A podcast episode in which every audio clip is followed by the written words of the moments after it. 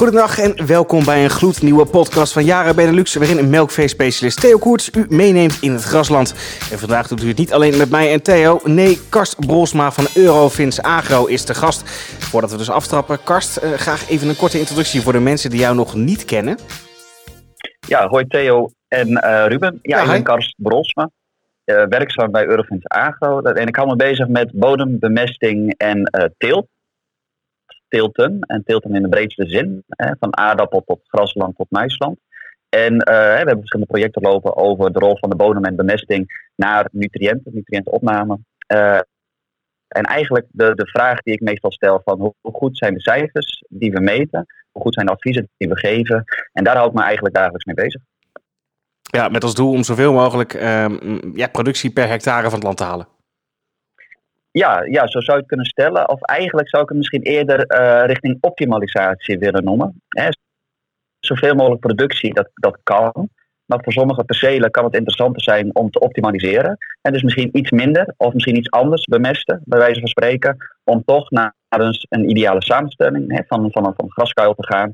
Of uh, naar meer opbrengst. Hè. Dus het, het, is een combinatie. Ik denk optimaliseren. Aan de ene kant de kwaliteit.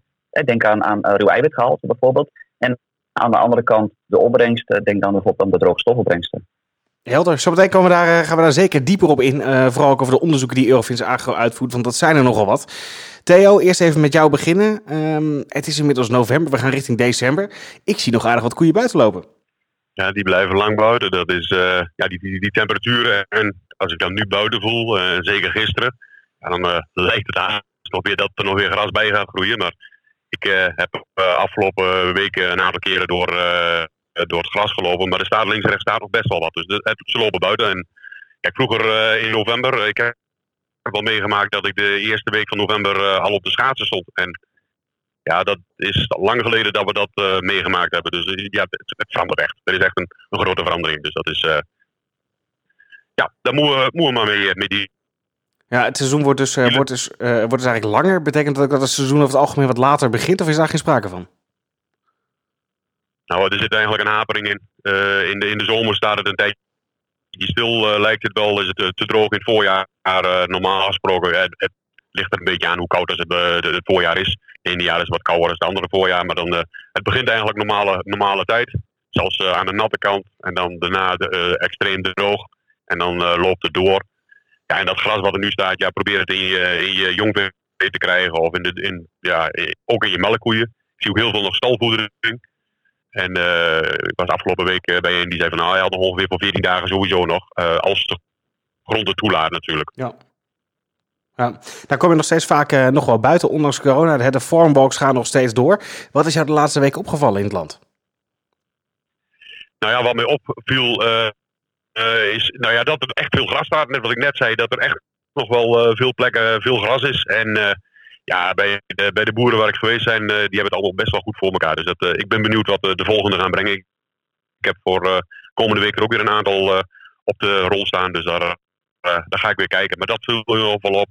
Veel gras nog. En ze hebben het best vlak voor elkaar. Ja, wat natuurlijk wel lastig is, um, in functie die, die jij bekleedt, is je kijkt dus gewoon naar de stand van het gras. Maar je kan eigenlijk nauwelijks zien wat er uh, nou echt in die bodem gebeurt.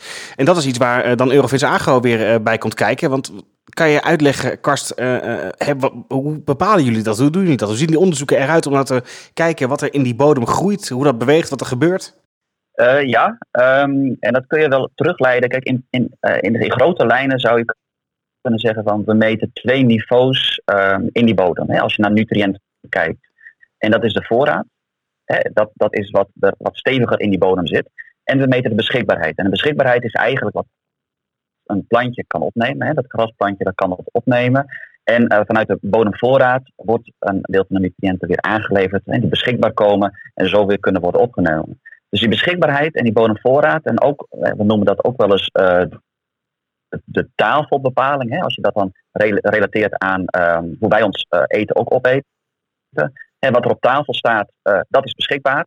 Wat er niet op staat, ja, dat moet nog uh, klaargemaakt worden. Hè. Denk aan de aardappelen, die moeten nog geschild worden. En die moeten nog gekookt worden, eventueel of gefrituurd. Hè, dus dat duurt wat langer voordat het op tafel komt. En zo zit het eigenlijk ook met die nutriënten in de bodem. Hè. Er, zit een, er kan een hele grote voorraad zijn, maar die is niet altijd beschikbaar. Dus veel van de nutriënten, dan meten we de beschikbaarheid aan de ene kant en de, de voorraad aan de andere kant.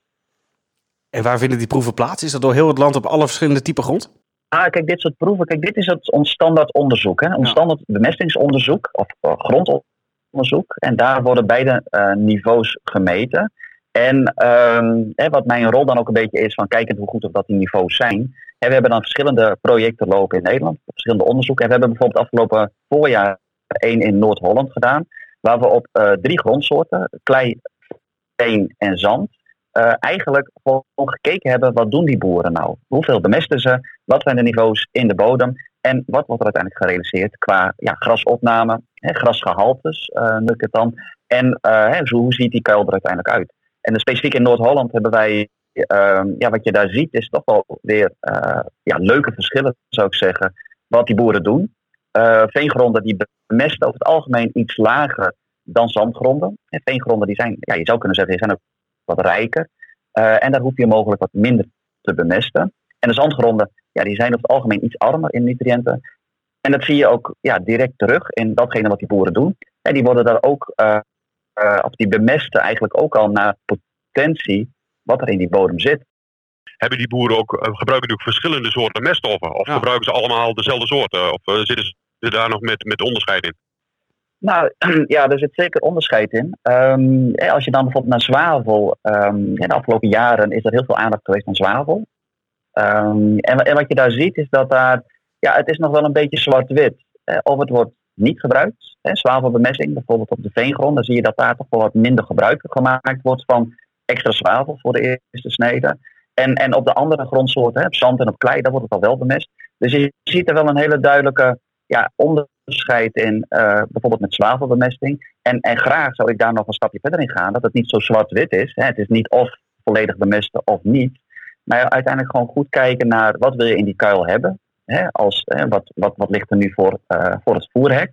En hoe kun je dat relateren uiteindelijk aan de bemesting? En dan kan het zijn dat diegene, hè, die boeren die veel zwavel bemest hebben, dat die misschien wel te veel bemest hebben en die kunnen wel wat minder. En diegenen die het niet gedaan hebben, het lijkt erop dat die wel wat meer kunnen gaan bemesten. En eh, dat het geen geven van zwavel, ja, dat dat eigenlijk wel een beetje achter ons ligt. Oké, ja, dat is wel heel duidelijk. Dus het moet op de tafel zitten, dus het moet goed beschikbaar zijn. En ook die, die zwavel, dat daar wel duidelijk wel verschillen in zitten. Dus, maar Klopt, ja. iedereen denkt er wel over na. Er, er is wel eh, een, een eh, bewustzijn dat, er, dat het met zwavel toch wel gemest Ja. moet worden. Ja, ja precies. En, en, en als je dan naar de samenstelling van het gras kijkt, bijvoorbeeld in Noord-Holland, wat we daar gezien hebben, is dat zeker die zwavelbeschikbaarheid in die bodem, die heeft een hele belangrijke rol uiteindelijk in hoe dat gras eruit ziet.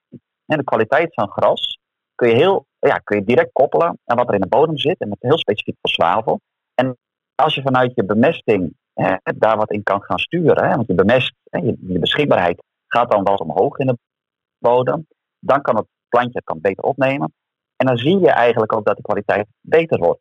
Dus, dus daar is nog een wereld te winnen. En, en jullie hadden het net over het veranderende klimaat. En dat zien we ook steeds terug. Dus de verandering van het klimaat zorgt ook weer voor een, als het heel nat is, kan het wel uitspoelen. Is de beschikbaarheid wat lager. Of als het heel, heel droog is, ja, dan komt er ook weinig. Dus, dus dat soort effecten van het klimaat op de beschikbaarheid van nutriënten, dat is ook een van de redenen dat we zeggen van weet ook goed wat die bodem doet. Met, name, met name ook wat er op tafel komt te staan. Hoe hoog is die beschikbaarheid? En houd daar ook rekening mee in je bemesting en in je bemestingsplan. Ja, ik, maar, eh, ik hoor jou bijna opmerken, eh één keer in de vier jaar onderzoeken is te weinig. Eigenlijk moeten we ieder jaar het gras onderzoeken. Eigenlijk, eigenlijk wel. En, en ik, ik, ik realiseer me ook dat dat wel een, het kan een forse investering zijn. Maar ja, als je daar aan de ene kant kan besparen, hè, eh, zeg als er veel nutriënten in zitten, dan zou je daar, en dat is misschien niet direct heel zinvol naar, naar jaren toe, maar een, een- iets, iets besparen hè, op kunstmestgift. Of juist datgene bemesten wat er niet is, hè, dus de, de missende schakel. Ehm, ja, dat is, dat is zo ontzettend belangrijk. Zeker als je kijkt naar hè, dus de, de, de, de ruimte en de bemestingsruimte wordt kleiner. En het kan zijn dat daar, hè, door op een andere manier naar je bemestingsplan te kijken en weet wat die bodem kan en hoe is het gesteld met de bodem, ja, daar is nog een wereld te winnen. Kan je duiden, want eigenlijk gaan we dus naar sturen op data. En dat is iets wat we in de agrarische sector al jaren roepen. Joh, we moeten veel meer data gaan genereren om te kijken, hè, wat gebeurt er nou precies? En daar kunnen we dan op gaan sturen. Ehm, merk je nou al door de jaren heen, Karsten, dat steeds meer gemeengoed begint te worden? Of staan we echt nog uh, ja, aan het begin van die, van die introductie? Ja, het is, het, is, het, is, heel wisselend. Ik had, ik had afgelopen maandag een studieclub en uh, ja, die zijn daar heel erg uh, mee bezig. Dus ik had ook een aantal adviezen had ik uitgewerkt. Kijken naar misschien wat scherper bemesten of bijvoorbeeld de maispercelen. En dan kun je wat drijfmessen overhouden die je naar de graslanden zou kunnen gaan brengen. Ja, en die mannen die deden dat allemaal al wel. En een andere keer, ja, dan moet je heel erg weer bij de basis beginnen. Van ja, wat heb je, wat kun je, wat moet je doen. Dus, dus, dus, dus daar is ook niet, niet direct te zeggen van. Um, en een, een, een aantal veehouders die zijn al, nou ja, daar hoef je eigenlijk niks meer uit te leggen. Ik, ik, ik denk dat dat bij jou ook zo is, Theo. En er zijn veehouders bij waarvan je zegt, ja goed, die zijn toch meer, ja, of, of daar heb je toch wat meer tijd en aandacht nodig om uit te leggen wat er gaande is, wat je zou kunnen doen eh, richting nou ja, mogelijk besparen of een betere verdeling ja, dat is ook soms nog wel eens uh, uh, dag en nacht verschil. En, en uiteindelijk is het toch de boer die uiteindelijk bepaalt wat er bemest wordt. Hè. Die, die zit op trekker, op de loonwerker in zekere zin. En die geeft toch de hoeveelheid. En uiteindelijk bepaalt die wat er gedaan wordt. En ik, ik, ik, ja, een aantal zijn heel ver. En een aantal ja, die, kunnen nog wel wat, uh, nou ja, wat hulp gebruiken, laat ik het zo zeggen. Ja, dat klopt helemaal. Dat is, uh, ik merk in ieder geval uh, tijdens de farmwalks zijn er de mensen die ik tot nu toe gesproken heb, die, zitten, die zijn ook ver. Die, hebben, die zijn overal druk mee bezig. Die hebben, maar ik, eh, ik weet uit mijn verleden nog wel dat mensen die zeiden van ja, goh, pa die deed het zo. Ik doe het zo en ik, het gaat goed zo. En ik, er, er, is nog veel te winnen. Er is absoluut nog, nog veel te winnen. Dat is, kijk, en wat Karsten net zegt van ja, het is niet helemaal in ons straatje dat we minder kunstmest verkopen. minder kunstmest verkopen is voor ons niet erg als de efficiëntie maar omhoog gaat. En dat we uiteindelijk eh, eh, dat is ons doel ook. Gewoon efficiëntie verhogen. Het juiste product op de juiste plaats in de juiste hoeveelheid. En dat onderbouwen met cijfers en onderzoeken. Ja, dat is helemaal ons ding. Dus dat is, dan verkopen we liever per boer wat minder. En dat we dan wat meer boeren als klant krijgen. Dat zou dan ons, ons ideaal zijn. Ja, ik hoor dat uh, optimalisatie is het toverwoord. En uh, één ding waar je mee kan beginnen uh, mee te optimaliseren zijn natuurlijk big bags in plaats van losse stortingen. U hadden onlangs een big bag actie, de t-shirts. Um, bij elke ordeaanvraag of offerteaanvraag kreeg je dus een gratis t-shirt. Hoe staat het met die actie, Theo? Nou, die is, die is afgerond. die is afgelopen maandag is die helemaal afgesloten. De t-shirts zijn verstuurd. Ja, de reclame die, die snelt ons al voort. We kregen al aanvragen van mensen buiten de agrarische sector. Die hadden de buurman met een mooi t-shirt aanzien lopen. Die zeiden, ja, zo'n uniek t-shirt wil ik ook. En dat, uh, dus dat is voor ons wel een extra teken dat hij goed geslaagd is. Dus dat, uh, dat betreft uh, zijn we er heel, heel tevreden over. Duidelijk, duidelijk. Ik wil hem gaan afronden, heren. Ik wil Karst Brosma van Eurovins Agro heel erg danken voor het delen van de kennis en expertise. Voor dat stapje verder dan dat Theo en ik normaal gaan. En Theo, jij natuurlijk altijd weer bedankt voor het delen van jouw visie op het grasland en de melkveehouderij in zijn algemeen. Bent u aan het luisteren? Denkt u, joh, ik vind het interessant, ik wil meer luisteren of ik wil gewoon meer weten van Yara? Ga dan snel naar de website www.yara.nl. Daar kunt u alle podcasts vinden en u kunt zich aanmelden voor de e-mailnieuwsbrief. Die is gratis, de Yara Gras Actueel.